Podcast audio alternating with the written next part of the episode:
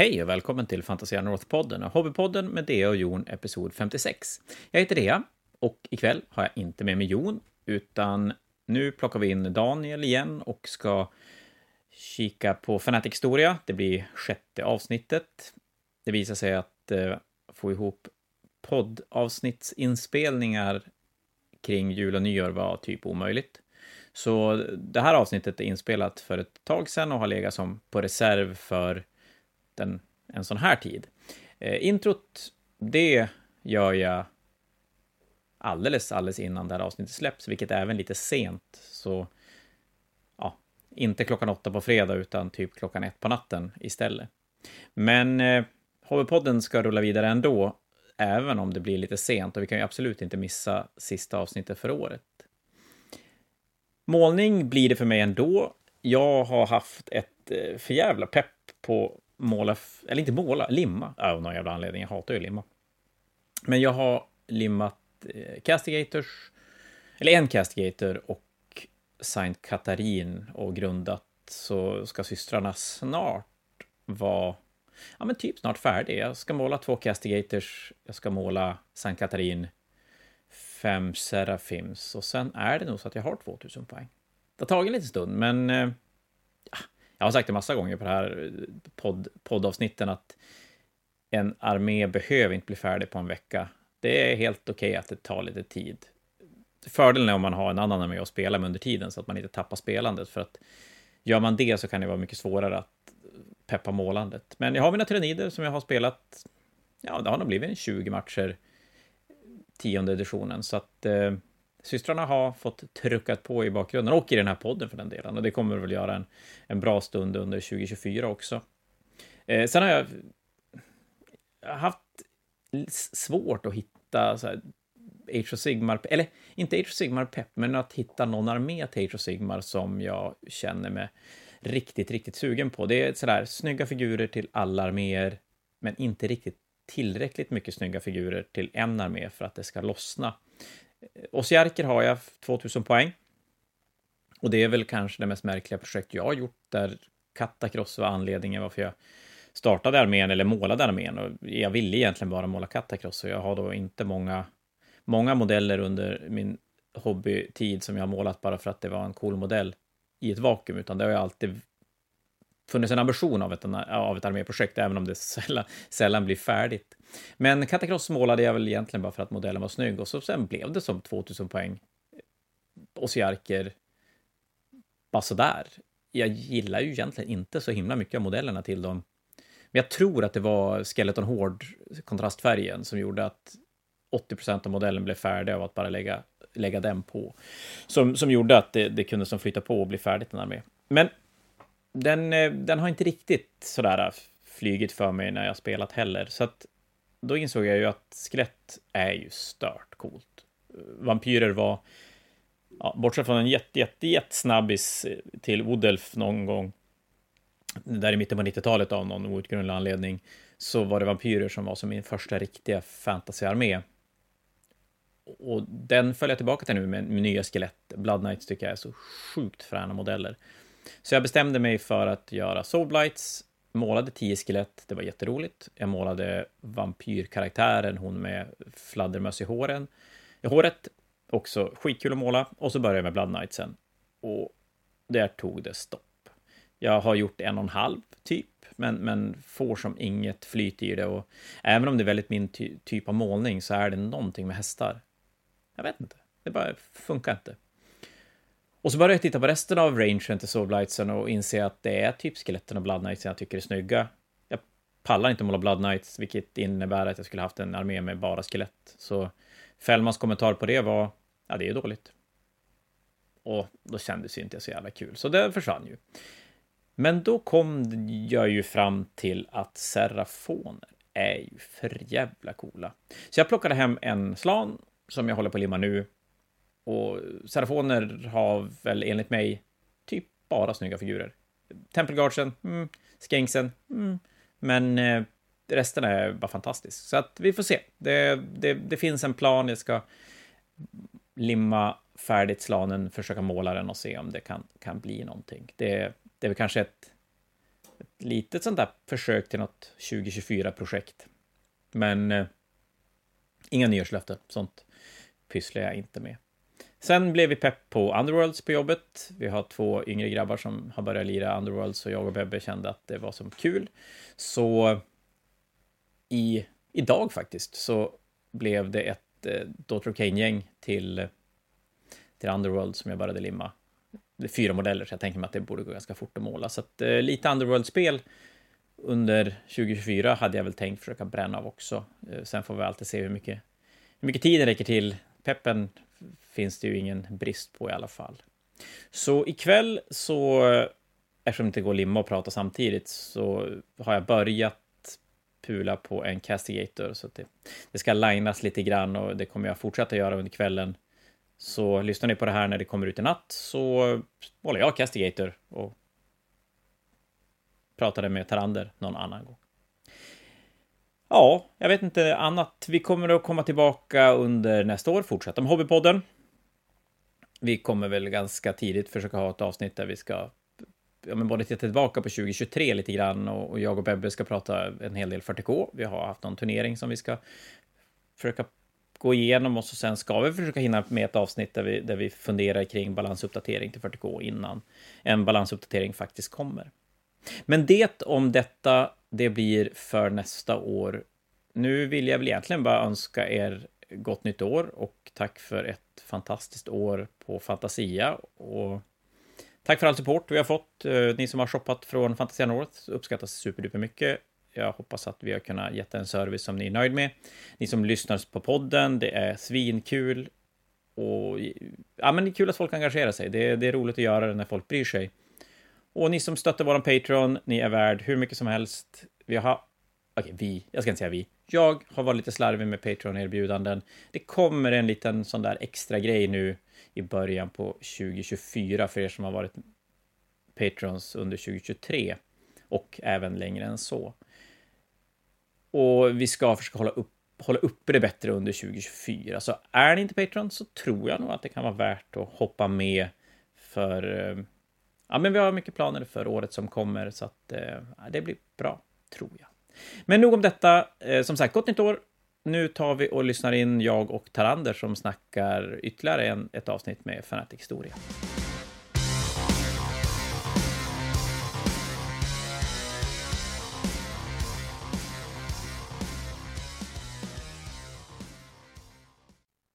Tjena Daniel! Hallå, hallå!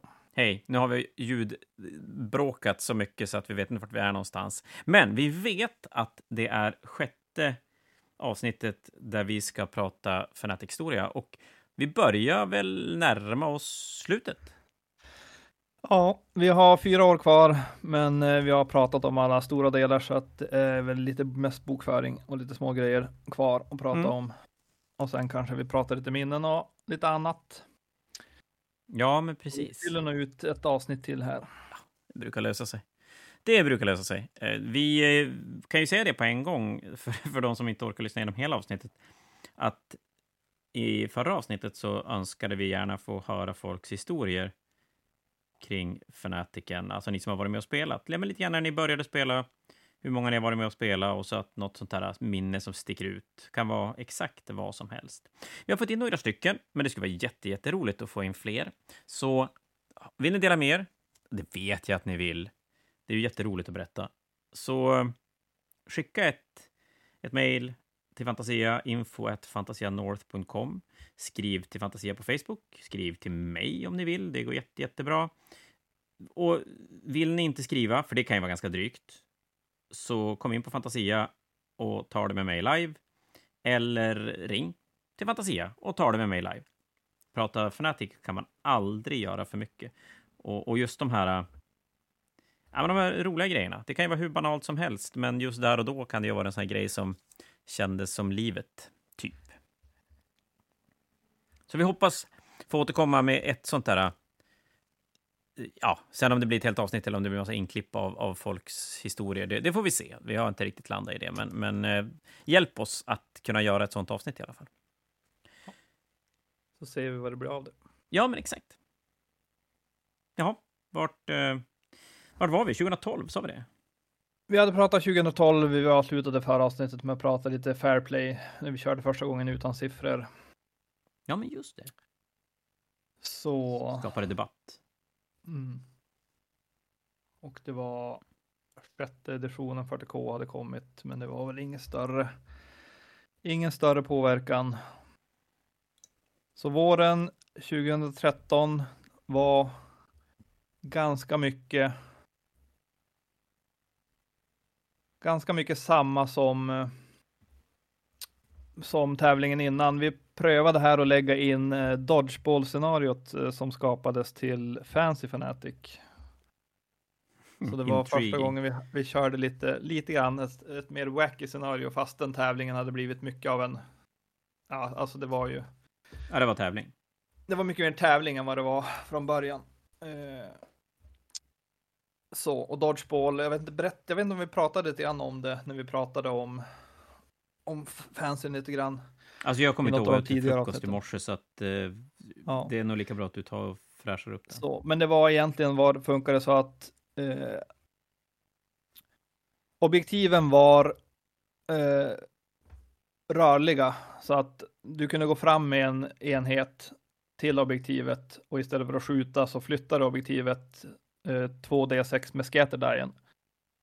Och då var det så att man räknade pilen på scatterdian som att den pekade både i sin riktning och i motsatt riktning. Och hit, det, då räknar man de fyra linjerna på hårkorset som riktningar man fick välja. Och så gick det ut på att sparka över objektiven till motståndarens deployment zone tror jag. Har ni inte sett en Scattereye, googla det. Ja, den har utgått. När utgick den? Hur många år sedan var Den det? utgick i eh, sjunde editionen Fantasy och eh, åttonde editionen 40K. Nej, det var fan Ja. tidigare i 40K. Alltså jag blandar verkligen ihop alla editioner. Jag har fan ingen koll längre, känner jag. Eh, det känns som att det var evigheter sedan. Det var säkert inte så länge sedan. Den... Eh, jag kan inte säga att den är jättesaknad eh, spontant så. Men det är lite roligt med det här Dodgeball-scenariot. Att än en gång så har du gjort en grej som dyker upp i Warhammer-världen bra många år senare. För att jättarna, jag vet inte om de har den regeln nu, men de har haft den i alla fall. De har en regel som gör att de kan sparka objektiv Ja, i Age of Sigma. Så det, det, det finns där också. Men som du sa, det är ju ju längre nu, ju närmare nutid vi kommer, ju farligare, eller farligt var kanske ett dumt ord, och stort ord att använda. Nej, men alltså svårare att lägga in egna grejer. Det, det har, ja, Sen har det väl lättat lite grann nu, för nu har det gått en ganska lång tid när, när turner- turneringar har blivit väldigt strömlinjeformade och väldigt likadana. Så nu tycker jag nog att folk generellt sett uppskattar att man hittar på och gör lite eget. Men eh, från där du pratar nu och fyra, fem år framåt, då är det ju väldigt sådär att det ska vara på ett visst sätt för att det ska som duga. Och det lite, har väl lite grann att göra med att GV på något sätt ansträngde sig för att göra det bra själv på en gång, på ett annat sätt. ja. Och det gör de ju ännu mer nu. Mm. Sen eh, över till hösten 2013.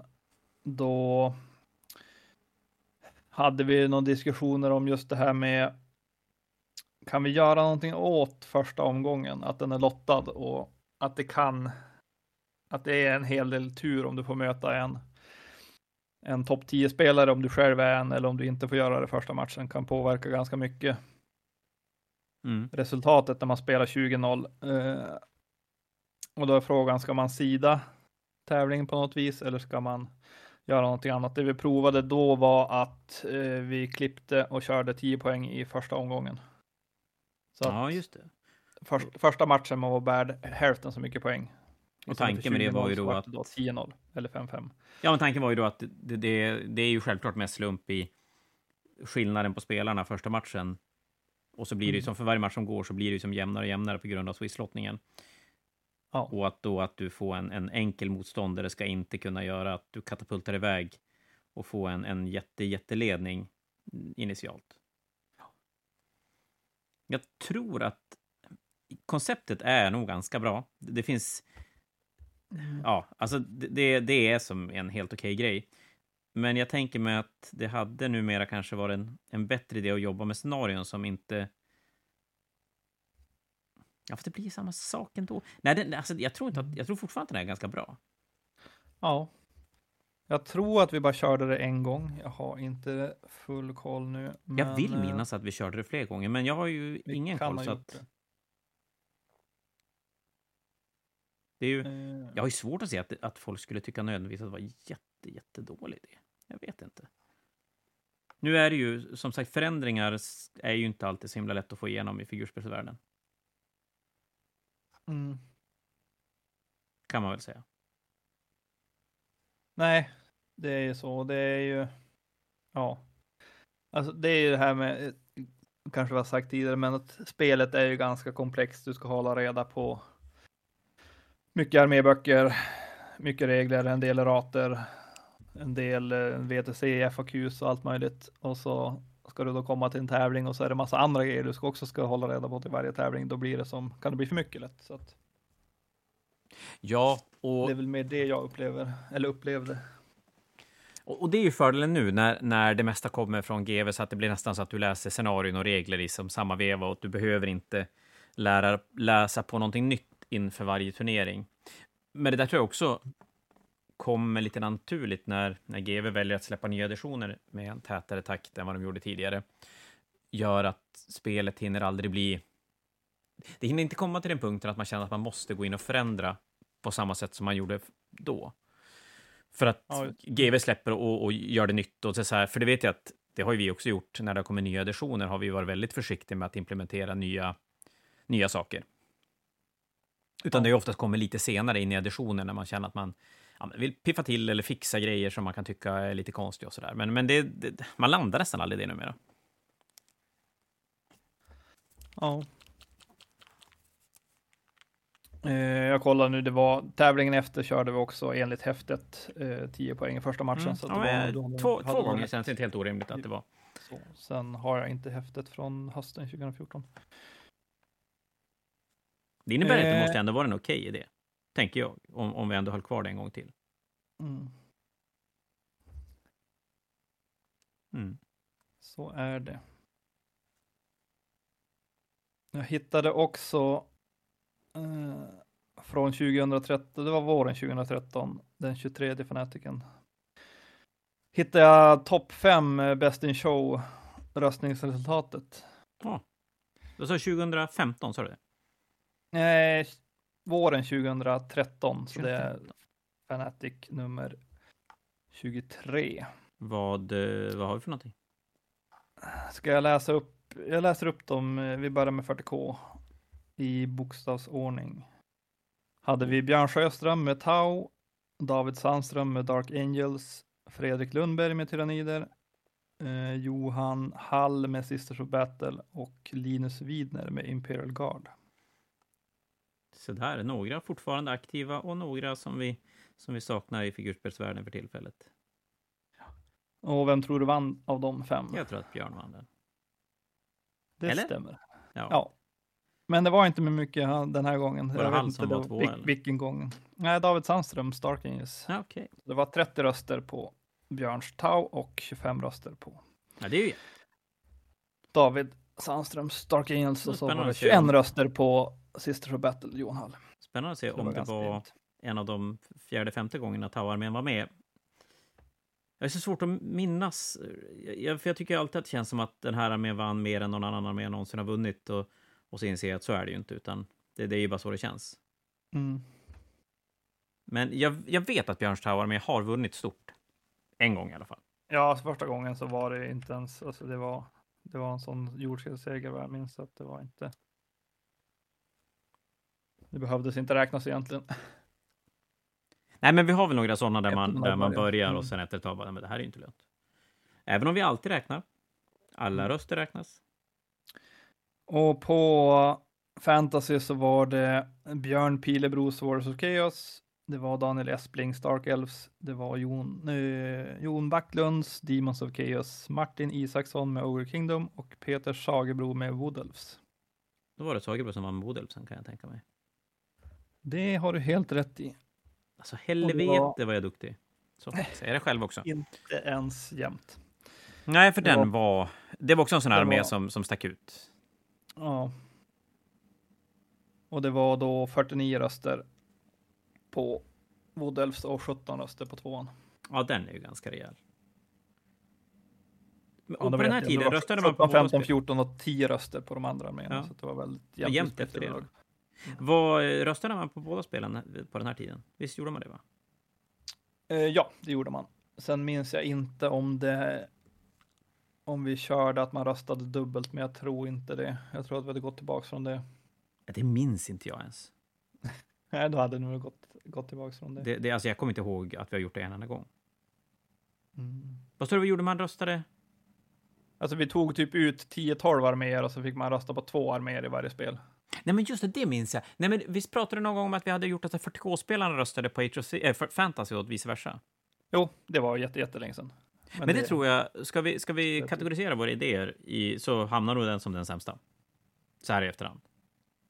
Eh, ja, Alltså rent ur alla synvinkel. Den, den har ju Ja. en intressant tanke bakom sig i det här att man tittar på andra saker.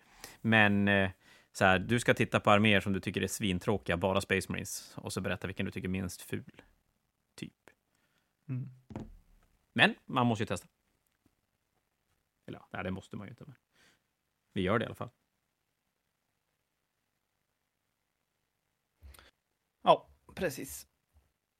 Eh, yes, så kommer vi in på 2014. Eh, vi kan dra, just nu 2014 så hade vi 128 deltagare på våren och 126 på hösten. Så det var Totalt ganska då. lika totalt. Mm. Eh, och det fördelningen är ungefär 80-50 40K för fantasy. Mm. Och här har vi ju, vi har ju länge haft problemet med att folk har, har svårt att hinna äta lunch om man inte har bil eller möjlighet och det blir Ja. lite tajt med matcher. Så här pratade vi om, vi hade funderat på om vi kan catera på något sätt eller beställa pizza till folk, men det, det vart som det, det vart för mycket logistik. Vi hade här möjlig, inte möjligheten att slänga skräp på Nej. plats, utan vi var tvungna att ta med oss allt skräp därifrån så att vi ville inte ha liksom 25 sopsäckar med pizzakartonger. Nej, och sen är det ju lite rörigt när man spelar en gympahall att det, det finns ju inga grejer. Det finns inga bord, Nej. det finns inga stolar, ja stolar finns det, men det finns inga vettiga bord, det finns, det finns inga bestick, som du säger, det finns inga sopor på ett bra sätt. Mycket, Nej. mycket dåligt kommer ju med det egentligen. Och jag vet att vi Ja. har väl haft någon sån här, gå, någon, någon så här delikatessbutik-grej som hade gjort mackor någon vända också. Ja, det, men det var på en Fancy Fanatic tror jag. jag Nej, det tror var aldrig det ju på, på Fanaticen också. Har det varit det? Ja, men det var däremot inte så många som köpte det där. Eh, någon sån här Ja. plocklåda-grej typ. Ja. Men faktiskt, Jag, det, jag fixade ju ett par tävlingar så fixade jag om man förbeställde typ en kycklingsallad, ja, men just currykycklingsallad. det, så var det ja. Hade vi ett tag också. Det Eh, och roligaste nu- Hyfsat. Den här gången hade vi grabbens eh, fotbollslag som var grillade burgare. Vi föräldrar var grillade burgare till, till och det kommer att bli nästa gång också. Men nu blev det så att nu var lunchen för lång. Alltså folk bara, men på riktigt, nu måste vi börja spela. Så, för det var en sån kombination att vi har ju som jobbat ganska hårt med schemat för att försöka få tillräckligt mycket tid för att man ska hinna iväg in till stan, in till Umeå då, Mm. och, och köpa käk och käka i någorlunda lugn och ro, även om man har spelat färdigt hela sin match tiden ut. Så Mm. att vi har ju på något sätt lyckats lite känns det som trycka in fler timmar på dygnet just Fnatic-helgen än vad det egentligen är. Ja. Men helt plötsligt så var det bara för mycket tid. Det är som att spelet har gått till att det går, ja, det går lite fortare. Vi pratar kanske en kvart, 20 minuter fortare och, och många hinner färdigt ännu, ännu fortare. Och så sen när det Mm. fanns möjlighet att köpa burgare utanför och så där, så att nej, det, så nu ska vi till och med korta lunchtiden. Så. Det är ett problem jag trodde man inte man skulle ha för tio år sedan. Nej, men kan man, kan man ordna ett, ett vettigt lunchalternativ på plats, då är det ju egentligen inget problem. Nej, och, och det är ju Om lunchen är lite kortare. Ja, nej men precis. Och det behöver inte vara något superfancy, men en grillad burgare, nej men det uppskattades. Så det, vi har ju haft pastavagnen där ganska länge. Men Ja. det är ju ett tveksamt alternativ. Ja, Det är inte jättemånga som tycker att det är jättebra. nej. Men så det, det är ett alternativ som funkar. Sen, ja, all, allting tappar väl sin skärm om det är samma sak varje gång. lite grann. Det, blir, det är inte så stor variation. Nej, nej, verkligen Även inte. Och lite gillar du inte så då... Ja. Nej, då är det. Precis. Var du med, visst, var du med när vi hade någon burgarvagn stående där utanför också? Jo, Som brann upp sen? Året efter? jaha, ja, det, det har jag inte koll på. Nej, det var därför han inte kunde komma tillbaka. För den, upp. Okej. Så kan det vara. Ja, han fick köra med dieselaggregatet Ja. för att försöka göra strips och det tog lång tid. Ja, men just det, det tog en det jävla var väldigt tid. svårt för dem att få, få strips, strips att funka. Det gick bra att köpa burgare, men det fanns inte riktigt kräm att köra fritösen. Nej. Och så ganska mycket folk som kommer samtidigt också. Mm. Som extra besvärligt. För Det var ju då f- först, första gången pastavagnen var där så var det, då gick det ju att koppla in sig på trefasen eh, i förrådet utanför, men den var ju typ avstängd Mm. gången efter. När, de, när burgaren var, va- burgarvagnen var där. Nu, när pastavagnen var det där på slutet, då drar han trefasen från, från inne, inne i lokalen istället. Yes. Eh, så det vart inte någon, någon lunchservering. Förrän vi, ja, när vi tog dit pastavagnen var det första gången vi ordnade liksom ett alternativ på plats. Ja, men jag tror Som, det. som, var tillgängligt för alla och man behövde inte förbeställa. Nej. Eh, våren 2014 var också, du var förbi Umeå fritid för att hämta nycklarna eller vart nu är du hämtar dem. Ja, det är det. Visst var det så? Och så fick du, jag vet inte hur du fick komma över den här matchklockan vi lånade. Jag vet inte Men fan. du bara... Ja, jag tror att det var någon på UF som bara frågade, du behöver inte en matchklocka eller något? Ja, jag tror det Ja, också just var så. Jag var sån här, Fick låna en. ja, vad, vad är den? Den är 40 centimeter lång och och 20 centimeter hög typ. Som man har på Ja, så här bärbara kanske sekretariat på, på kidsmatcher i innebandy och grejer. För det som. innebandy och fotboll. Har varit med om det. Så den tillförde ändå ganska mycket kan jag tycka. Eh, den är ju som sagt, den har ju bara minuter, alltså två rutor för minuter och två för sekunder, så man kan ju inte köra en tre timmars match. Utan det vi gjorde var att när det var mindre än en och en halv timme kvar så gick vi och ställde in så att vi fick liksom en officiell sluttid på varje omgång. Ja, men precis. Eh, och sen hade den en liten tuta. Eh, jag tror vi hade, jag vet inte om vi frångick huligantutan på grund av det här eller om vi Jag bara slutade det. köpa huligantutor för att det var lite. Ja, men jag tror att vi för många bajsade på sig när vi körde den. Kan Så det var, så här, det, var, det var lite kul och lite bra, men, men det var alltid någon som fick hjärtfel i, Mm. i sa- samma veva. Så, så att då hade den här ljud så vi varnade när det var 30 minuter kvar och när det var 15 minuter kvar tror jag.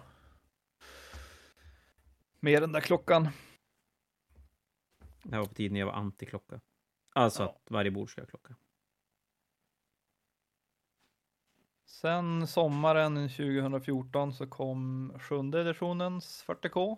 Det var bara två år där mellan sex, sex, sjätte och Oj. sjunde. Var det så jävla tajt mellan dem? Jag tror att det var så tajt. Eh, enligt min efterforskning i alla fall. Ja, nej, men det kan nog stämma. Så. Och jag tror inte att det påverkar så mycket. Vi, vi körde på ganska lika. Eh, här var första gången vi prövade med komp i fantasy. Till slut föll vi. Till slut så gjorde vi ett test. Ja, men vi hade väl landat i ett läge där folk från den kompetitiva scenen söderut inte ville komma och spela. Jag, jag tror att det var där Ja. någonstans vi landade. Och att det var lite så här, och, och jag personligen kom ju till insikt att, ja, men varför håller jag turneringar? Visst, jag gör det ju för att jag tycker det är himla kul, men det är ju inget kul om inte det är några som spelar. Och i slutändan, om, om alla spelare vill att vi ska spela på golvet, ja men, då spelar vi på golvet. Alltså, det, det, rör, ju, det rör ju inte mig. Det, det viktiga för, för turneringsarrangörerna är ju att turneringen flyter, att folk har det kul. Och om då majoriteten tycker att det är allt från okej att spela med komp till att man vill ha och kräver komp för att man ska spela, ja, då, eh, då är det väl bara att köra, tänker jag. Ja, jag minns dock inte. Jag har inte kvar häftena från de här åren. Så jag minns inte hur många gånger vi körde komp. Nu var Men- det för sig, eller ja, nej vänta nu. Nej, Vilket år? nej, vänta. Jag bara skojar. Det här var nog, var inte det här sista? Nej, Age of Sigmar kom ju sedan 2015. Ja, men jag tänkte säga, det här måste ju vara, vi kan ju inte ha kört komp mer än en eller två gånger, sen kom Age of Sigmar.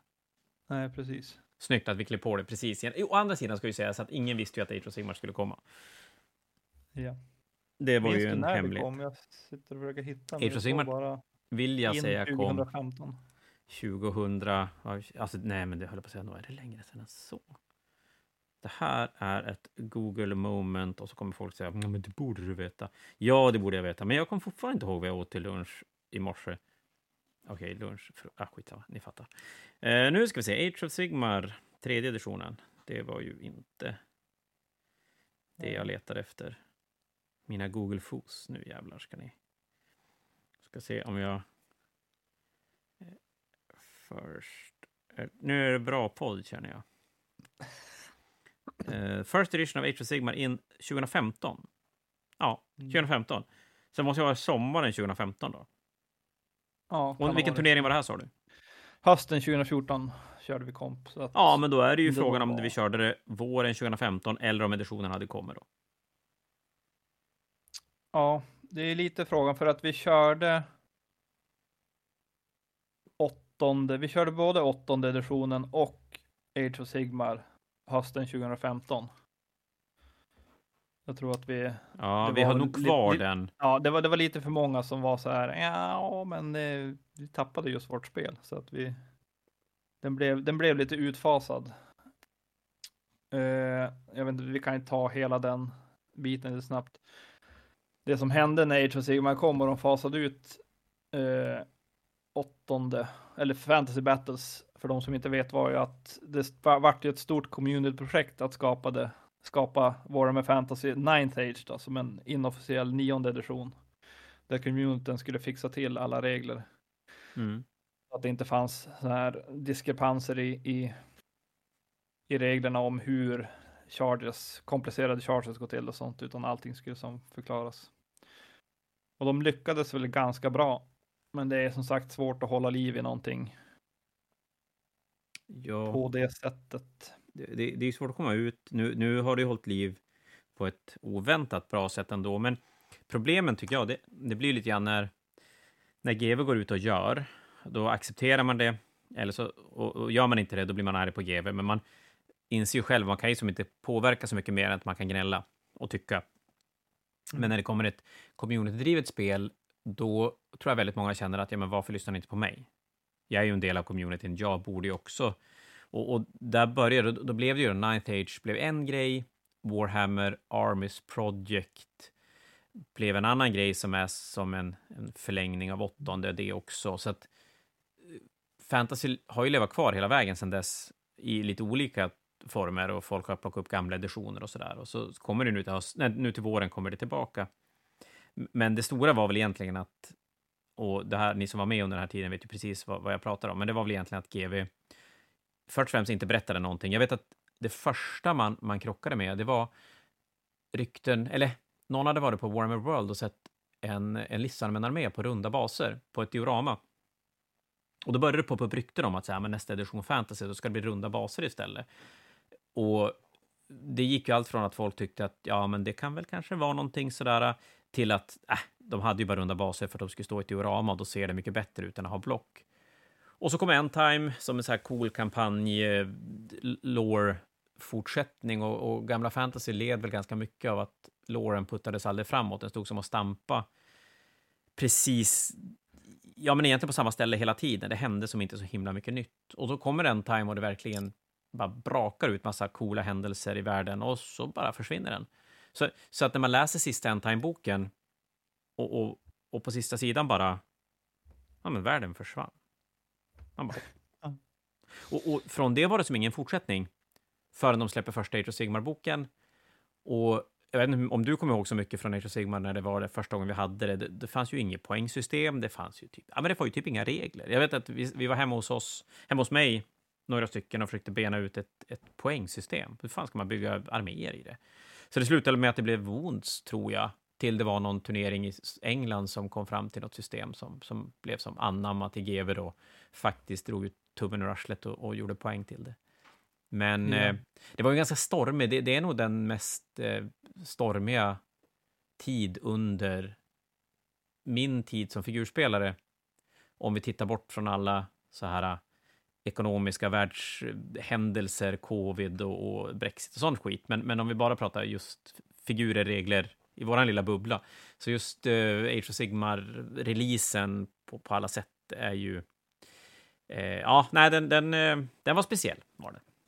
Var det ett försök av GW att göra ett, ett, liksom ett hobbyspel, alltså försöka komma bort från att det här är ett turneringsspel? Alltså, jag, jag tror att Eller... om man om man bara tittar på, på det men alltså det, det, vi, det, vi, det vi ser och det vi kan som de, de informa, den information vi har, för GW har ju alldeles berättat någonting, så kan jag inte tänka mig något annat än att det är precis som du säger, att, att de ville släppa ett spel, att någonstans har någon på GW kommit på fram till att vi tjänar ju pengar på figurer, vi tjänar ju inte pengar på spel. Och, och någon måste ju då ha inte gjort hemläxan där, där man borde förstå att man tjänar pengar på figurer för att man använder dem i spel. Mm. Men någonstans där, så den kopplingen måste ju någon eh, snubbe på, på GV bara, nej, varför det? Och eh, ja, för de, de släpper ju som sagt, det är ju inget, det är ju inget spel. Alltså, det är ju verkligen och, och pusha det hårt och, och, och säga att det är ett spel. Och jag skulle säga att hade inte då GV haft ändå så otroligt lojala kunder och lojal spelarbas som de ändå har, så hade ju det där bara försvunnit. Och, och blivit ihågkommet som en parentes i historien, som ett, ett riktigt uselt försök att göra någonting. Men sen, för sen kommer det, när poängsystemet kommer, det är väl ett halvår senare någonting, jag tror att vi har poängsystemet till, undrar om det kan vara till våren 2016 då, kanske. Ja, kan stämma. Typ. Och då, då händer det ju grejer med spelet. Och sen kommer andra editionen och då, då har de liksom filat bort massa så här Ja, men jag vet inte om du kommer ihåg när det, det var en ja, Tomking-spelare och så hade han Settra och man fick inte knäböj över Settra och så råkade någon göra det och så blev det massa mum. Alltså, ja, men det var så mycket dumt. Så mycket ja. dumt. Man skulle prata med sina, sina ja. schizofrena modeller och sånt där. Och pratar och... de tillbaka så, ja, nej. Dumt. Mm. Så är det. Så våren 2015, då stoppade vi in War Machine Hordes första gången. Uh, och tävlingen vart lite mer, eller ja, det vart, det vart mer, lite mer så här konventsaktigt, även fast vi var kvar i samma hall, men just över att de körde väl typ två, två tävlingar, va? En, en på lördag, en på söndag. Ja, de, de spelade, och, och, och, jag tror även att de har spelat tre. Jag tror att de har spelat en på fredag kväll ja. en gång också. Så att det blir lite, ja, det, det blir olika tidstabeller för första gången. Och jag, jag vet att vi ja, jag, men jag säger vi, vi pratade mm. lite grann fram och tillbaka om möjligheten att hålla det som ett mer konvent, att stoppa in fler spel, att War Machine och Malifo. Mm. Men eh, när man spelar allting i en enda lokal så är det ju ett helvete. Ja, för det var väl med också det här, inte Blood Bowl, det andra spelet. Guild Ball var med och spelade lite grann också. Ja, precis. Guild Ball körde, körde några tävlingar under 2015-2016. Jag minns inte vilka, vilka det var. Uh, och det var väl egentligen det sista som hände tror jag som egentligen är någonting. Som sagt, hösten 2015, då hade vi 37 stycken 80 40K-spelare mm. och 37 stycken fantasy-spelare, då 20 stycken i Ace och eller åttonde editionen och 17 i Age of Sigmar. Ja, det var bara 17 stycken. Uh, ja, det var en rough ja. start. Och det vi gör då 2016, jag tror att Ninth Age var färdigt till våren 2016. Eh, så vi byter, det blir Ninth Age några gånger. I alla fall 2000, både våren och hösten 2016 kör vi Ninth Age. Mm.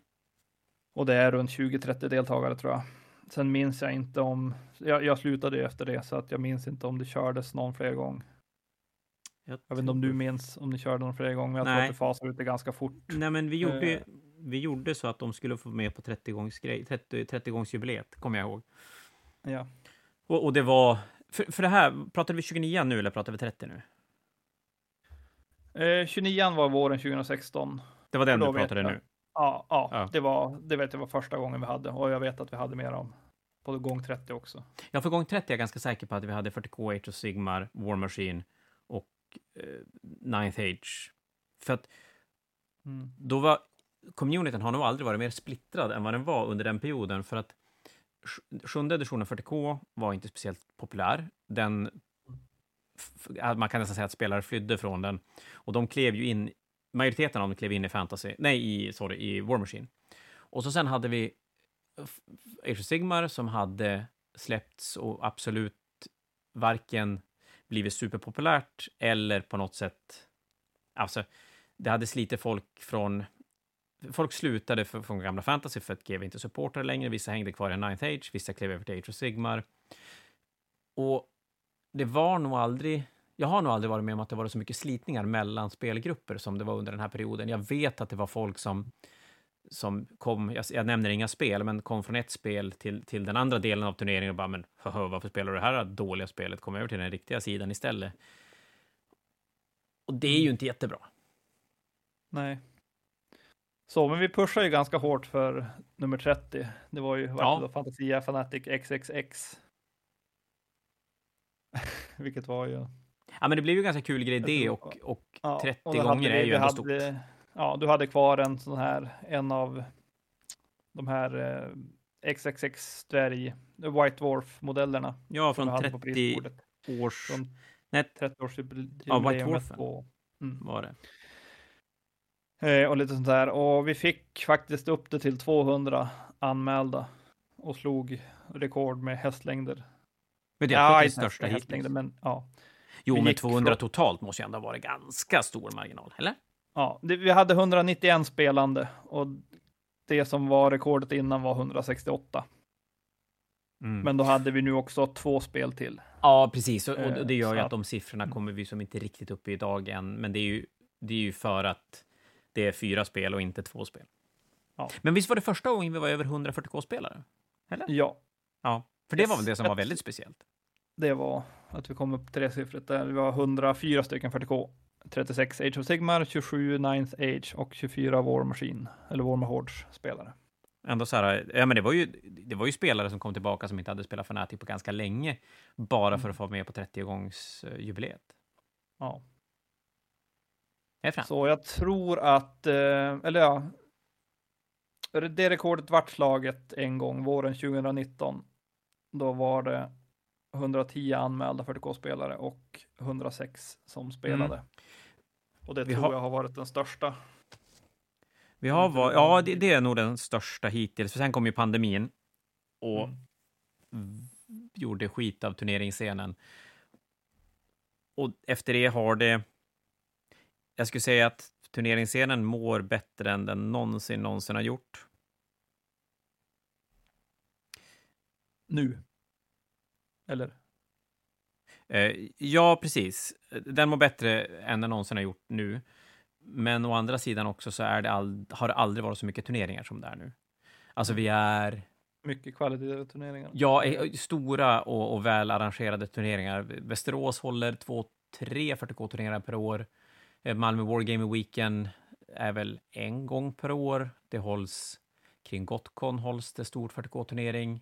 40K eh, Stockholm kör en sådär 50 personers 40K-turnering en gång i månaden. Eh, Fnaticen två gånger per år. Vi har Grand Fnatic.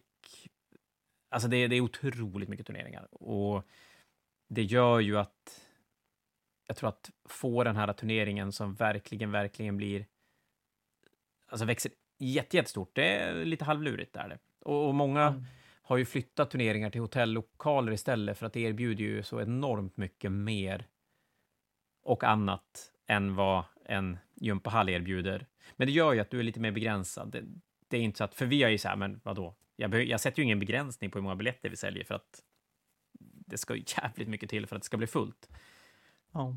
Men en hotellokal, där har du ju som, ja men vi har x antal bord, sen är det fullt. Vi har x antal kvadratmeter, sen är det fullt. Och det, det gör ju att de blir begränsade av den anledningen. Och det är ju fortfarande, ja men jag skulle säga att Fnatic-lokalen har två saker som en, en eh, egentligen ingen annan turnering i Sverige kan konkurrera med när det kommer till lokal, oavsett hur flashig hotellokal de, de plockar fram. Och det är att det är, lite, det är fortfarande väldigt mycket nostalgi att vi har varit på samma ställe sedan, sedan 2000 och i vadå 47 gånger, 46 gånger någonting, så det är oändligt många gånger. Mm. Och, och, att det är Sveriges äldsta still running turnering som aldrig har haft en break. Och sen har vi luft och plats. Ja, det blir ändå ljudet och luften. Ja, ja. ja men det går inte att jämföra. Och just ju, det här att, man, att du kan bara gå strosa runt och titta på Ja. hela tävlingen i en stor. Ja, men du behöver all, och så behöver du aldrig känna dig i vägen. Alltså, du kan ta din jävla ryggsäck och så kan du zigzacka mellan borden och titta på alla matcher. Du kan ta en stol och sätta dig bredvid en match och bara sitta och titta hela, hela matchen utan att känna att du någonsin behöver flytta på stolen. Och det, det gör man ju inte någon annanstans. Då är det ju så här rumpa, rumpa för att det är så trångt mellan borden. Och att kunna Ja. gå runt hela, alltså bara att kunna spela och gå runt hela bordet. Det, det går ju som inte att, att... Alltså det är ju bara hur bra som helst. Och det, det vet ju du själv också när du har varit iväg och spelat lite grann nu på slutet, att det, det är fan nice. Ja, Så, framförallt ljudet känner jag. Även nu när Ja. man tittar på hur, hur alltså man blir, man blir inte slut i huvudet på en gång som man blir när man är i de här, ja, oftast andra lokalerna som jag har prövat där det är, där ljudet blir nästan blir- överväldigande. ja, men, ja, men så är det ju. Det, det blir sånt tryck att man är ju helt färdig när man har, när man har spelat färdigt. Och då, det kände jag bara när vi spelade SM i 40K i, i Stockholm, så var det ju absolut inte trångt i den lokalen. Där var ju varje bord en egen liten ö. Vi var 32 spelare, det, det, det var inget stort så. Men även där, när det är ganska lågt i tak, så blir det... Ja, men det blir, det blir väldigt snabbt ganska såligt. Blir det. Så det, Mm. det är en bra sak med Fnatic-lokalen. Lokalmässigt i övrigt så är det få saker vi kan konkurrera med när det kommer till en, en, en modern hotellanläggning. Så är det ju. Ja, Men det är inte mycket att göra åt. Nej. Nej, det, Det funkar ändå. Gör det. Men det var 30 gånger, säger vi. ja, det var, det var hela, det var det Mäktigt. hela. Mäktigt. Eh, Det var ganska spännande. Det, det är ju... Det mesta känner jag ändå att jag, jag har koll på, även om jag absolut inte kan sätta det i någon typ av tids, tidsram. Jag, jag, nej, där var jag jävligt Mm. off. Och så var det en del saker som jag absolut inte kommer ihåg. Nej. Den, eh, den största delen var, det var att man, fick- man fick rösta på det andra spelet i, i Best in Show. Uh, ja, herrejösses. Ja, men ska vi ta och köra lite bästa sämsta minnet kanske? Lätt. Om du har något på lager, vad ska vi börja med? Ja, alltså mycket. Vi har ju pratat lite grann om det. Jag vet att jag tror att jag pratade om min flaggincident från GV när jag höll på att tappa bort deras Game Day Ja, den har du berättat eh, om. flagga. Eh, Och det är väl egentligen inget direkt minnet knutet till turneringen. Sen blir det ju ganska mycket spelrelaterade minnen och de är ju de är ju alltid lite svåra att förmedla, för det är ju ganska mycket känslan på plats när, när en person kommer och, och är, är ja, men, rätt engagerad i, ett, i vad som har hänt, för det har påverkat på något sätt. Och vissa Mm. saker har man kanske svårt att återberätta helt korrekt när, det- när det har hänt massa konstiga tärningsslag som har lett fram till. Det, det man däremot kommer ihåg lite grann, det är ju de här egentligen de tråkiga incidenterna på en turnering, men som, som ändå, när man får titta tillbaka till dem senare, är ganska roliga. Så vi har ju lite sådana saker som, ja men, vi, vi har haft, vi har haft rena mordhot på fanatiken. Det har vi haft. Sen vet jag inte hur mycket de skulle ha, ha beivrats, eller beivrats, det är inte det ordet jag letar efter, hur mycket personen i fråga hade faktiskt gjort eh, slag i saken. Det, det, det ska jag inte säga, men vi hade ju två personer som kom från samma stad och hade hängt på samma spelförening när den var ung. Och den ena påstod att den andra hade snott arméer från föreningen. Och när han då såg att den här personen skulle vara med, då blev han ju arg och djävulskt. Och så kom han fram till sekretariatet och bara så, får jag spela mot den här killen, då ska jag döda han. Eh, och det var väl, men det har, tror jag vi har pratat om, att det var enda gången vi faktiskt fuskade i lottningen. Eh, ja, alltså, Eller flyttade vi bara på dem så att de skulle vara på olika delar av lokalen? Jag vill ju minnas att de krockade med varandra i turneringen och vi var tvungna att sära, alltså att, att lotta om eller flytta på dem, men det kan ju vara en efterkonstruktion i och för sig. nej, alltså det, jag tror, jag vet inte. Vi, vi sa att vi skulle manipulera lottningen så de inte fick möta varandra. Men det glömde vi bort och så vart det så att vi, vi lottade ihop dem någon gång. Sen om vi ytterligare någon gång började flytta dem, för det var, hände, de var ju med på mer än en tävling. Men det var, Mm. det var ju en tävling då vi lottade dem mot varandra och en han kom bara, du, ni måste göra någonting åt det här, för jag kan inte bära notan. Jag kommer slå på käften. Jag bara, Jaha. Ja, det, det, Då- det då fixar inte vi det. lätt. Ja, det, den, är, den är rolig hur... Men det är klart, där vet vi ju absolut inte vad som finns i bakgrunden där. Det, det, Nej. men sen har vi ju haft, eh, vi har ju haft en som skriker högt och tydligt regelbög åt den andra och stormar ut ur lokalen. Ja, Det ta- var- Ta, upp, ta upp Vad säger du? figurer. då. Ja, han plockade upp sina figurer efter Ja. det och så gick han därifrån. Precis, och det, det, det är ett bra sätt att, att få, Mm. få tyst i lokalen ett par minuter eller 30 sekunder kanske. Vi har haft en person som Jag ska bara säga där också. Gällande det där, jag vet ju vem det handlar om och just det här. Jag som Magic-spelare är ju, är ju väldigt fostrad i det här att det är inte takebacks på turneringar och du ska spela, Mm. göra saker i rätt ordning. Men sen blir det ju lite löjligt om, en, om man liksom av praktiska skäl eller något annat gör någonting som kanske ska göras i slutet på Magic-fasen när du har kastat en magi eller något sånt där löjligt. Och så får hävda motståndaren att Nej, men nu har du avslutat magifasen.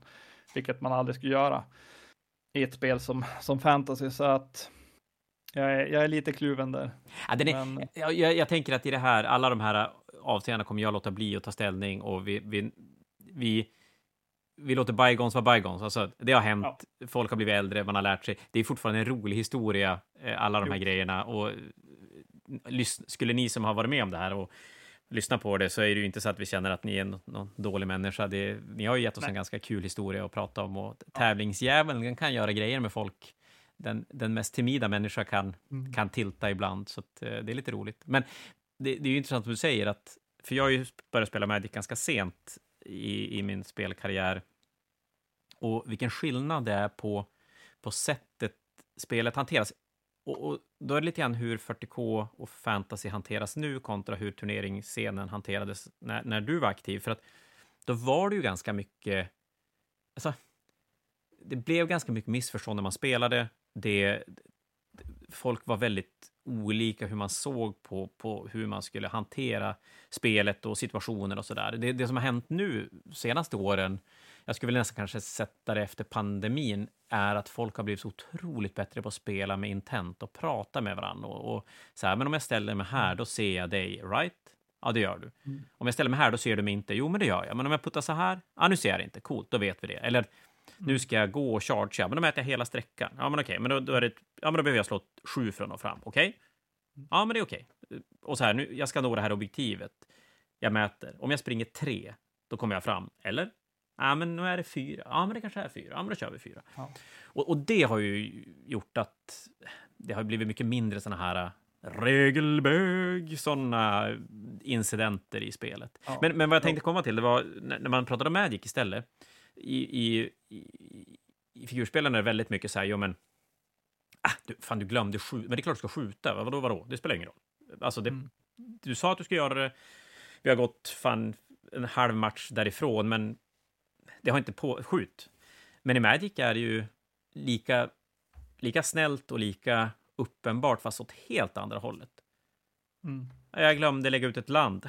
Ja, det, det var ju synd. Men det är ju som att det är som väldigt lika för alla och det är som, det är som inga Ja. konstigheter. Är det? Nästa, i, i, Magic är det nästan ofint att liksom be att få göra en takeback. Ja, faktiskt.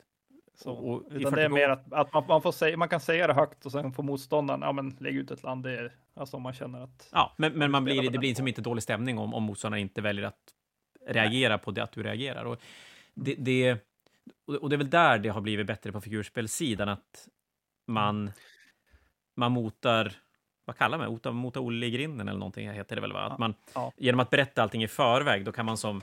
Ja, men jag vet att jag spelade turnering förra helgen och så säger jag i min moment face att i shooting facen ska jag skjuta en sporemine mitt på bordet för att göra ett objektiv. Det, det är bara så här, men det, det ska jag göra för att då klarar jag det objektivet. Och så spelar jag vidare. Och så skjuter jag och så i min shooting face, då, jag är så jävla vilse, så jag bara, ah, men då skjuter min sporemine dit bort för att försöka döda en av dina space marines som jag gör om jag slår 46 i rad. Och så sen bara, nej men just det, jag skulle lägga den i mitten. Är det okej? Och han bara, ja men du sa ju det i början, det är klart du ska lägga mitten. Jag trodde du var dum i huvudet. Man bara, ja, det är... Eh, och, och det är klart, hade jag aldrig sagt i början att jag skulle skjuta den i mitten, ja men då kan jag inte komma och ändra mig när jag väl har börjat gjort grejer så, utan så att det, det har ju blivit bättre. Men, men eh, och och det gör ju att det är färre situationer. Och, och mycket också att GV har blivit mycket bättre på att skriva FAQs och, och rätta regler så att vi inte behöver gå in och rätta regler. Kom du ihåg Men den... största- ja. ja. Nej, bara- Den, den största grejen tycker jag ändå, det var ju att när de ändrade reglerna så att du får mäta hela tiden. ja, men gud. mäta allting. Det var ju det Oj. som gjorde att, att man kan mäta och vara överens om saker först och sen slår man. Kom, kommer du ihåg? Ja, det, nu, nu kom du in på en liten annan grej här, så att vi tar väl den först då. Eh, vi hade en, en fantasymatch, i, alltså i gamla fantasy då, och ni som inte har spelat det, ni vet inte, ni ska få veta. Ni som är spelare, ni vet exakt vad jag pratar om. Det var otroligt viktigt med vinklar i gamla fantasy. Mm. Och det var ganska, rö, det ganska bökigt att flytta enheter. Att du, du, du höll ju som fast i ena framhörnet och så vred du runt den axeln och så fick du mäta som utsidan hur långt gubbarna gick. Och så sen är det någon som spelar och, och så här, "Ja, men här borde du inte komma igenom och den andra tycker att den borde komma igenom. Och så sen fäller han de bevingade orden och här kan han ju bara inte ha tänkt. Men eh, kan vi inte mäta i praktiken? det är så här, man bara, mm, ja, det, ja, och jag förstår ju vart, alltså, det är good intentions, men där också kan det ju bli så himla konstigt, för du kan ju inte som inte bara flytta enheterna, för det är ju millimeterprecision på hur mycket vriden en enhet är. Till skillnad från Nature Sigmar eller 40K, där det är lite skitsamma om gubben står en tum dit eller en tum dit. Mm. Och så hade du ju också det här konceptet med guess weapons, så att vissa vapen, mycket artilleri gissar du hur långt du skulle skjuta. Och du fick ju rent tekniskt sett bara skjuta på enheter du ser. Och du ser ju inte en enhet som är bakom en annan enhet, men då kan du ju sikta på enheten som är framför och sen råka gissa 20 tum för långt och så träffar du karaktären på draken som står längre bak eller vad det nu är. Ja, hur, fel får man, hur fel får man gissa? Ja. det är ju alltid en... Sniper-karaktärer med kanoner. Jaha. Nej, det, ja, det är väl... Jag skulle säga att det är den bästa regel GW har infört. Generellt, alltså enskilt den Ja, bästa bästa, regeln. bästa regeländringen. Ja, Typ, är det. man kommer på. Eh, Och som turneringsarrangör är det ju en dröm. Och, och precis som spelarna nu då, i och för sig ganska många år senare, men att de, man har börjat utnyttja det för att skapa bättre matcher genom att hela tiden mäta i förväg, prata igenom, diskutera. För det är klart, att säga att du når fram på en 7 charge eller en 8 charge, det är fortfarande mycket bättre för mig att nå på en 7 än en 8. Men det är då fan mycket bättre att ta den diskussionen innan jag har slagit tärningen och slagit en 8. I- Innan du har slagit sju.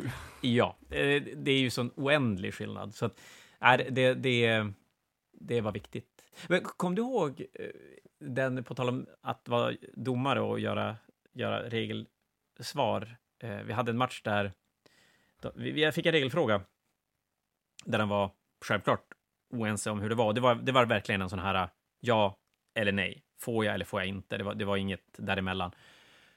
Och Ja. jag rolar mot den som säger att man inte får. Eh, Den andra personen påstår att GV har släppt en fack som säger att man får, men jag hittar ingen sån fack och, och han kan inte visa vart det var någonstans. Så att det är så här, nej, jag, jag, jag rolar det så. Och han blir så arg, så han går därifrån. Och han har lånat armén, så han bara lämnar armén och går. Och, och det, det humoristiska i det här sen, det är att jag hade fel. det, det, var- det, var, det, var, det fanns Ja. en fack och jag hade, inte, jag hade missat den sådär, så det, det Ja. blev ju lite dumt. Eh, Så, så att, Men kom han inte tillbaka? Jo, men jag tror det. Jag sprang du inte efter den? Om, om jag minns det här som rätt match, att du sprang efter den. Jo. Då fick han. Jo, men det, det gjorde jag nog. Däremot har Man måste ju ändå det. kunna tåla ett, ett domslut om man inte kan. Ja, kan jo, men påvisa vart de har det. Det, reglerna. väl, det går väl aldrig att säga att, att det var ett rätt, en rätt reaktion i, i, i, i stunden. Men eh, som sagt, där och då spela mot kanske en spelare som man är lite sådär, ah, man funkar inte som människor. Och så sen har det gnisslat lite grann under hela matchen och så sen är man i ett läge där så här, okej, nu, nu kan jag vinna och så bara, nej, du får inte. Vad fan. Ja. Så det, det, ju, det, det gör det ju inte okej, men eh, det gör det kanske lite förståeligt ändå. Mm. Har du några roliga minnen då? Nej, jag vet inte. Eller här är Jag har, jag, jag har en situation som jag minns som jag tyckte var väldigt fantastisk på sitt sätt. Och det här var jätte, jättelänge sedan. Det måste vara typ 2005, 2006. Alltså, vi hade bara en lokal fortfarande. Jag är ganska nytt, men vi hade, vi hade som kommit in i det hela när vi höll turneringar på i, ja, i gympasalen och vi var som ganska van. Vi hade startat om det var runda två eller runda tre. Jag tror det var runda tre. Eh, alla spelade, ingen var klar. Vi satt i sekretariatet, tog det lugnt. det hände så mycket. Så kommer en, en kille, jag tror han var typ 15 kanske. Han var inte med något mycket. Och så bara, du, jag har en regelfråga, säger han. Och du och jag bara, ja men låt höra. Och så ställer han regelfrågan. Och du och jag tittar på varann. För att eh, det, det går liksom inte att, att förstå hur det han säger relaterar till reglerna. Och så vi bara, eh, ursäkta, kan du, kan du dra det där en gång till? Och så börjar han igen och det, det går inte att beskriva. Så du då hoppar upp från stolen. Du, vi går och kollar. För du tänker att, ja men, om, om man får peka, om, om vi tittar på bordet så kanske det klarnar vad det är som är problemet. Så du gick iväg, jag satt kvar och pillade med lite bokföring eller någonting, eller administration. och så sen när du kommer tillbaka så säger du då, du, de där två, de spelar sitt eget spel. Ja, det där minns jag. Det, det var Ja. två killar från, jag tror att de var från Övik, typ fem, som du säger, typ 15 år gamla. De kände varandra Ja. och, och de hade Ja, inte ett rätt. Jag fattar inte hur de lyckades spela de andra matcherna. För jag kommer ihåg det så väl, för, eller ja, nej, det gör jag väl inte för att jag inte, men ganska säker på att det var en med, så den var ohyggligt magitung mot Ja. någonting annat. Och Den, den när- andra var en skriven, det minns var jag. skriven? Okej, ja. För, Ja. för att när jag kommer dit, så det är någon magifråga. Någonting relaterat magi. Och, och det är så Ja. här, då visar det sig att han är på väg att kasta magi. Och det här var ju på tiden man drog tärning, eh, drog kort och det var en egen magifas och, och gud vet vad. Och magin var ju verkligen, ja men, det var verkligen en fjärdedel av matchen. Det var moment, det var magic, shooting, close combat och alla var typ lika viktiga. Och han är typ att kasta magi i moment-facen. Och så jag så här, men eh, dispel, alltså... Och, och de båda tittar på mig som att, vad pratar du om? Jag förstår inte. Och då, då verkligen, då känner jag bara så här, lyfter händerna lite grann, backar undan från bordet och bara, det blir bra, kör på det där, svinbra. Men, men alltså, nej, det är så fascinerande, för, för det var, nej, det var inte ett rätt.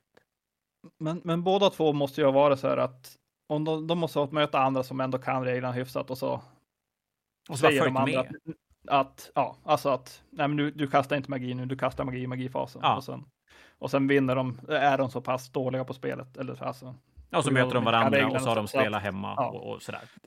ja, så att motståndarna vann nog lätt matchen så att det blir aldrig någon, någon diskussion i de andra matcherna. Så därför fick vi inte höra, det, höra om det där, deras regelokunskap. Nej, och klart, Jag minns att den andra var skriven för att vi, bara, vi kollade deras armélistor, bara för att Ja, okej. vi kände att de inte kunde reglerna. Och han, eh, skriven spelaren hade på sin lord, hade han skriven itemet som ger dig 4 plus invo save, men karaktären dör på en 4 plus vid slutet på matchen. mm, Och så hade han också den här talisman av invulnerability eller vad den hette som ger 5 plus ward save. Och så gjorde han, i, i gamla fantasy så kombinerar man ju armor saves. Hade du, hade du en fullt bit armor som gav 4 plus och en sköld som gav 6 plus så är det 3 plus armor save då. mm. Men för invulnerable save så får du bara välja den bästa. Men han hade kombinerat så han spelade med 2 plus Ja, det är bra. save. Jag, jag tvivlar på att han någonsin kollade i slutet på matchen om inte motståndaren påpekar Nej, att vi måste kolla om den där. Och det är klart, om de var sådana här spelare som bara flöt med och inte ifrågasatte, då fanns Mm. ju det ingen anledning för någon att påpeka det, för att ja, Nej. de fick ju ändå vinna. Så att, eh, Ja. eh, Och en, som en sagt, annan... det, var, det var ganska mycket mer chill överlag. Eh, om man inte spelar kanske på toppborden. Så att jag tror Jo, men det, att... det var nog väldigt stor skillnad på en, en, en casual-spelare och en kompetitiv spelare då. Betydligt mycket större skillnad än vad det är nu. Eller Mm. det jag skulle säga att då var det, det fanns antingen eller. Nu är det som ett, ett, ett, ett, ett helt spann av spelare och, och, och det finns som inte ett lika tydliga fack att placera folk i som, som, som det gör då. Eh, Men det är fascinerande att de kommer att spela. En annan sak jag kommer ihåg som var ganska kul, och där kommer jag faktiskt ihåg vilka två det var, men jag nämner inga namn. Ni, jag hoppas ni kommer ihåg det, för det här är jävligt roligt. Och ni var inte några gamla. Alltså, det här är, det är länge sedan och ni, de kan inte ha varit mer än typ 15 år gamla. Men- Och då hade vi båda lokalerna.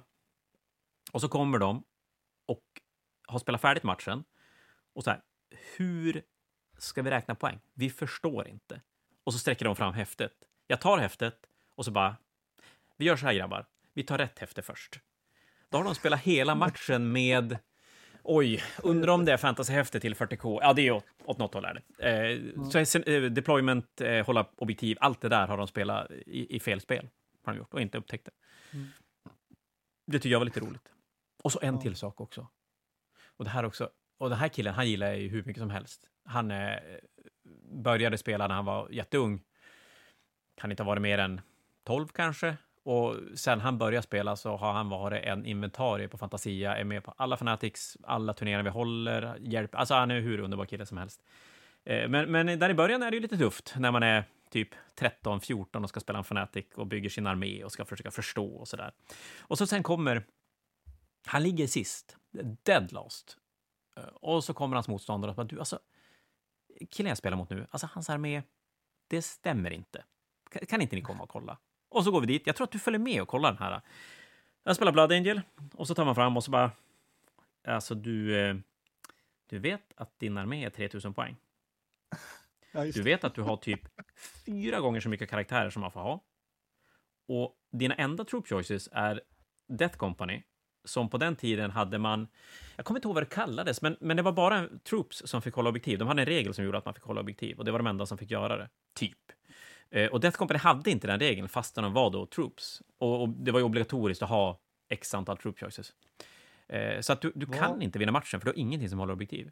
Du spelar 3000 poäng och du ligger absolut sist. I, inför, det här var väl tredje matchen de spelade. Eh, så att ja. vi, vi hjälps åt och, och så här, svänga om, för det är klart, han har ju så mycket gubbar. Så mm. vi kan svänga om listan så att det blir 2000 poäng och att den är legal och att den fortfarande inte kan vinna. Då, men men, eh, och det, det, gjorde ju ingenting. Jag menar, han spelar vidare nu ändå, och det är så att man kan göra oändligt mycket fel så länge man är ödmjuk i det man gör och inte då försöker på något sätt hävda sin rätt när man, när man har fel. Men, men den är ganska skön. Och, och det, jag fattar ju själv om man är typ så 13 i en hav av massa... Ja, det var inte lika mycket gubbar då, men det var ju väldigt många 20-plussare som, som eh, hänger runt och kan spelet och sådär. Så. Mm. Jo, nej, det, det, är svårt när man är, det var ju när jag började också. Jag köpte jump packs till mina Terminators. Ja. Jag tror jag innan av mina första listor. Ja, men alltså, alltså det, och, och, det ska ju sägas att det har ju GW gjort jävligt mycket bättre, för det är otroligt mycket lättare att bygga arméer nu än, än vad det var då. Mycket bara för att det inte är lika mycket krav, men, men fortfarande är det ju så här, bara enhetsstorlekar, vapenalternativ, vad kan man ha för någonting? Mm. Som, som du sa lite tidigare i, i det här avsnittet, det är mycket regler, är det. Och oh. att det spelas fel, det är ju... Ja, alltså det gör det ju. Det, Hesselberg har ju sagt det, jag har nämnt det hundra gånger, kommer nämna det hundra gånger till, att det finns inte en 40K-match som inte har fuskats i. Och med det menar då att det finns inte en 40K-match som har spelats helt korrekt utan att någon gör något fel. Och, och så är det ju. Ni, ja. Nästan alla fel är ju helt omedvetna. Mm. Men eh, så blir armébygge. Ja. Ja. Just det där med också gällande att spela rätt scenario. Jag hade ju också någon gång det kom en som ändå är liksom vuxen och erfaren kom bara, du, hur, hur är det quarters poängberäkning funkar nu? Är det på det här sättet? Och jag bara, ja, det är på det sättet. Men quarters spelar vi i scenario 3. Nu är vi i scenario 2 i match 2. Så han bara, äh, du, det var inget. och så gick han ner. Ja, och det också är ju väldigt, väldigt lätt hänt. Och sen är ju generellt sett folk ganska dåliga på att läsa. Så är det ju. Ja. Jag vet inte hur många gånger folk har kommit till turneringen och så bara Jaha, spelar ni så här nu? Men det, det borde jag veta när jag byggde listan. Man bara, ja, det, det var det bra om du hade läst, läst reglerna, för det är inte så att de inte finns ute. Och, har du det... något, något mer personligt bästa minne då? Någonting som du så kommer ihåg som Oj. var uh... väldigt så här, trevligt. Ja, fan lurig. Den, den, den där var den var fan lurig. Nej. Jag vet inte katsiken. Jag tror inte det. Jag tror inte, det är så här små fragment av grejer som, som jag, jag kommer ihåg. Alltså det är sådär äh, när vi attackbyter armé inför för Bestian Show och den vinner. Vi, eh, när Brenne vinner Best in Show typ 14 år gammal och, och folk aldrig slutar applådera. Eh, kommer aldrig glömma killen som eh, från början, ja, det hade vi ganska länge, men att du, nästan hela tiden, nej, men i alla fall från början hade vi, då satt vi vid, vid entrén när folk kom på lördag morgon och delade ut häften och hälsade alla god morgon och sådär, och så var det en jävla lång kö och grejer.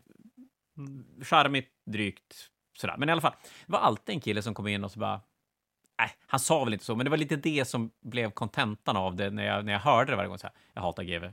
Och så gick han vidare. Eh, eh, det, var så där, det fanns ingenting positivt i det GV gjorde. Och den, det, på den här nivån att det, var, det blev som ganska humor. Det var nästan som att man så här, ja, nu kommer den. Och så, det, det var alltid en liten twist på det. Det var alltid någonting speciellt. Och det, eh, ja, det, det var ganska skönt. Och så kommer den då, så ska du spela ett GV-spel. Det, det, eh, ja, den, den tycker jag var lite rolig. Nej, men nej, jag, jag faktiskt ing, ingen sådär som... För det har ju hänt, det har ju varit ganska händelselöst egentligen. Alltså rent... Det har ju aldrig varit några katastrofer som har hänt.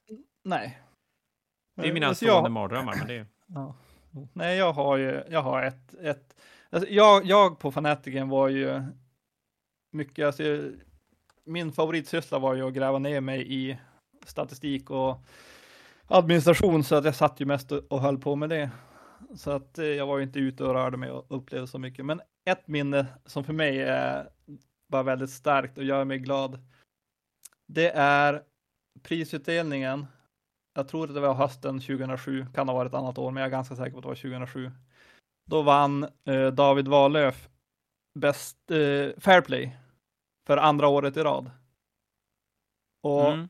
han kommer fram och han ser rent chockad ut när det har hänt i, för andra gången. Och ja, blir väldigt glad, du och jag får en kram av han och det var bara ett så här Alltså, happy moment. Väldigt mycket happy moment. Jag vet inte exakt varför det, det fastnar så mycket, för jag är inte mer kompis med David än vad jag är med någon annan figurspelare egentligen, mer än de i min egen spelgrupp då. Men han var, en, han var ändå en väldigt färgstark karaktär som var på Fantasia när Fantasia startade, så det var Ja, alltid det- trevligt att vara där när han hängde. När Ja, han men hängde David är ju... Han, han var ju... Han hittade ju till Fantasia, alltså typ när vi öppnade och, och var så här i, innanför en gymklädbutik. Det finns ett avsnitt när jag pratar om det här. Och Mm. han var ju som inventarie. Han var ju på Fantasia mer än vad jag var i början för att jag är, han är, oj, han är ett år yngre än dig, två år yngre än dig. Nej, han är kanske som du. Eh, Men är du 80 Nej, eller han- 81? jag är 82, jag tror han är 88. Jag Han är var nog ett år 81, äldre. så att han är Mm. tre år äldre än, yngre än mig, vilket nu är vi ju lika gamla. Eh, eller ja, nu hävdar jag att han är äldre än mig, men, men Mm. eh, då var ju han ett barn. Jag var 17, han var 14. Det, det var ju Mm. all skillnad. Och det gjorde att jag gick gymnasiet, han gick högstadiet, så att han hade mycket kortare dagar än vad jag hade. Så när, när jag hade Fantasia i början, då, då höll min brorsa koll på det som hade gymbutiken. Och så kom jag efter skolan. Men David slutade tidigare än vad jag gjorde, så att eh, han var nog mer, med, eh, mer på Fantasia än vad jag var första året. Och han hade som en plats, vi hade eh, blistrar längs väggen och så under blistrarna hade vi eh, en, en bänk där, vi, där grundlådorna låg. Och han vek alltid upp ett par grundlådor i hörnet. Kommer inte ihåg vilka grundlådor det var. Och där satt han och så läste Army Books. Alltså, och, och jag vet att brorsan hade inte så himla mycket folk i sin gymbutik, så- att ganska ofta satt han där bak och så plingade och så gick han ut. Och jag vet att han var ganska störd på David för att det var ingen person som han riktigt kunde så här snacka med, för då är brorsan sju år äldre än mig, så då skiljer ju då tio år. Så här, en 24-åring sitter och snackar med en 14-åring, varav 24-åringen inte så himla insatt i spel heller. Och, men det gjorde ju att när han var ute i lokalen så var ju då min bror tvungen att vara där ute. Han kan ju inte sitta och dricka kaffe där bak. Så att det var så här, varför är han alltid här? Eh, nej men alltså han var ju, han blev ett inventarie. Och så sen är han ju som du säger, han är ju jävligt färgstark. Han har ju temperament, nådde i grövsta, eller hade i alla fall. Ja, alltså han var, det, det som var så roligt med att han vann Fairplay också, det var just att han var så hetsig och Ja, men det är ju, det är ju den vid, vid spelbordet innan. 100% den Fairplay-vinnare som kan bli Mm. absolut argast. Mm. Av alla Fairplay-vinnare vi har haft. Så det, det att, som eh, gjorde, gjorde det så roligt också, en till grej, det var ju att han vann först på våren 2007. Och då hade vi som pris, hade vi typ den minsta pokalen som vi kan hitta, bara som en kul grej. Och det, det han gjorde då, det var att när han skulle spela sen hösten 2007, då tog han med sig en godispåse och så tog han med sig den där pokalen. Och varje match så la han typ tre godisar eller vad som rymdes i den där pokalen, så bjöd han sin motståndare sträckte fram den. Vill du ha en godis? Så bara, ja tack. I den där pokalen. Och då vann ju- han igen. Det var, det, det- var, Det är ju någonting med var Fairplay-priset som, som blir väldigt speciellt. mm. För det är ju, man kan ju alltid hävda att målarpriset kan man måla sig till, alltså man kan träna till att vara duktig på att måla och öka sina chanser att vinna.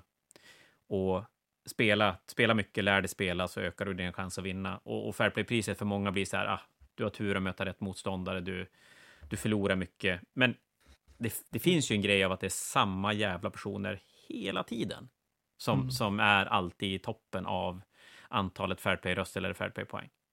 Mm. Det, det är som... Och det- det är ju inte... Det är ju inte så att alla trevliga människor är där, utan det är ju verkligen några personer som är där. Ja. Men det, det, är, det är lite grann någonting man ska ha i sig. Ja, men det tror jag. För Det går inte att fejka det. det. nej, nej. Det, det, går inte att fejka. Du, du kan försöka, men det, blir inte rätt. Det är liksom så här, man kan... Tycker det är som, som ko- kommentatorer, alltså är man inte en bra kommentator till en sport till exempel, då blir det inte bra. Även om du försöker imitera duktiga kommentatorer med så här, ja, höja rösten på rätt ställen och sånt där. Nej, men det ska ju, det ska ju som komma ganska inte. naturligt. Alltså, du och jag till exempel, vi är ganska långt ifrån Fairplay-priser. Ja, nej, ja, det är inte ens på kartan. Och, och jag, jag menar, du, du blir för man är ju som inte otrevlig vid bordet Nej, så, nej, nej, men, men ja, det är så. Alltså, men man Vi har inte det där som på- gör, gör matchen så där. Vissa är ju bara, kan bara så naturligt göra matchen trevligare.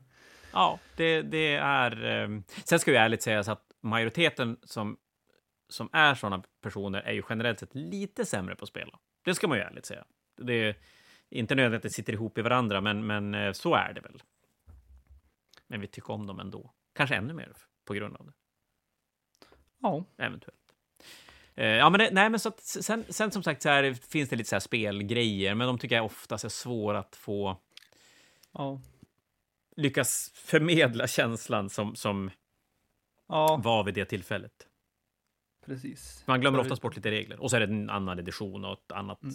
liv. Är det. Nu har vi malt på i över en timme igen. Ja, för fan, vi är kanske, jag tror vi är ganska nöjda. Noll problem att göra. Men då ska vi göra så här, innan vi avrundar då, så ska vi då säga att ni får jätte, jätte, jättegärna höra av er med de här, när ni spelar er första Fnatic. Ungefär hur många Fanatics ni har spelat. Det är ganska intressant bara för att, jag vet inte.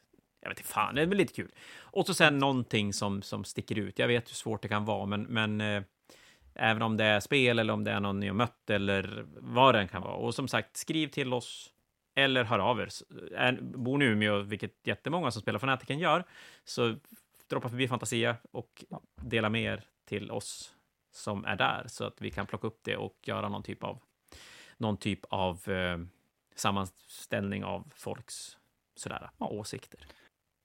Om man har bara någon generell sak som man tycker är bra eller roligt överlag med tävlingar kan man ju bara nämna sånt också. Om man Mm. inte har sin specifik kanske. Ja, men faktiskt. Det tycker jag låter skitbra.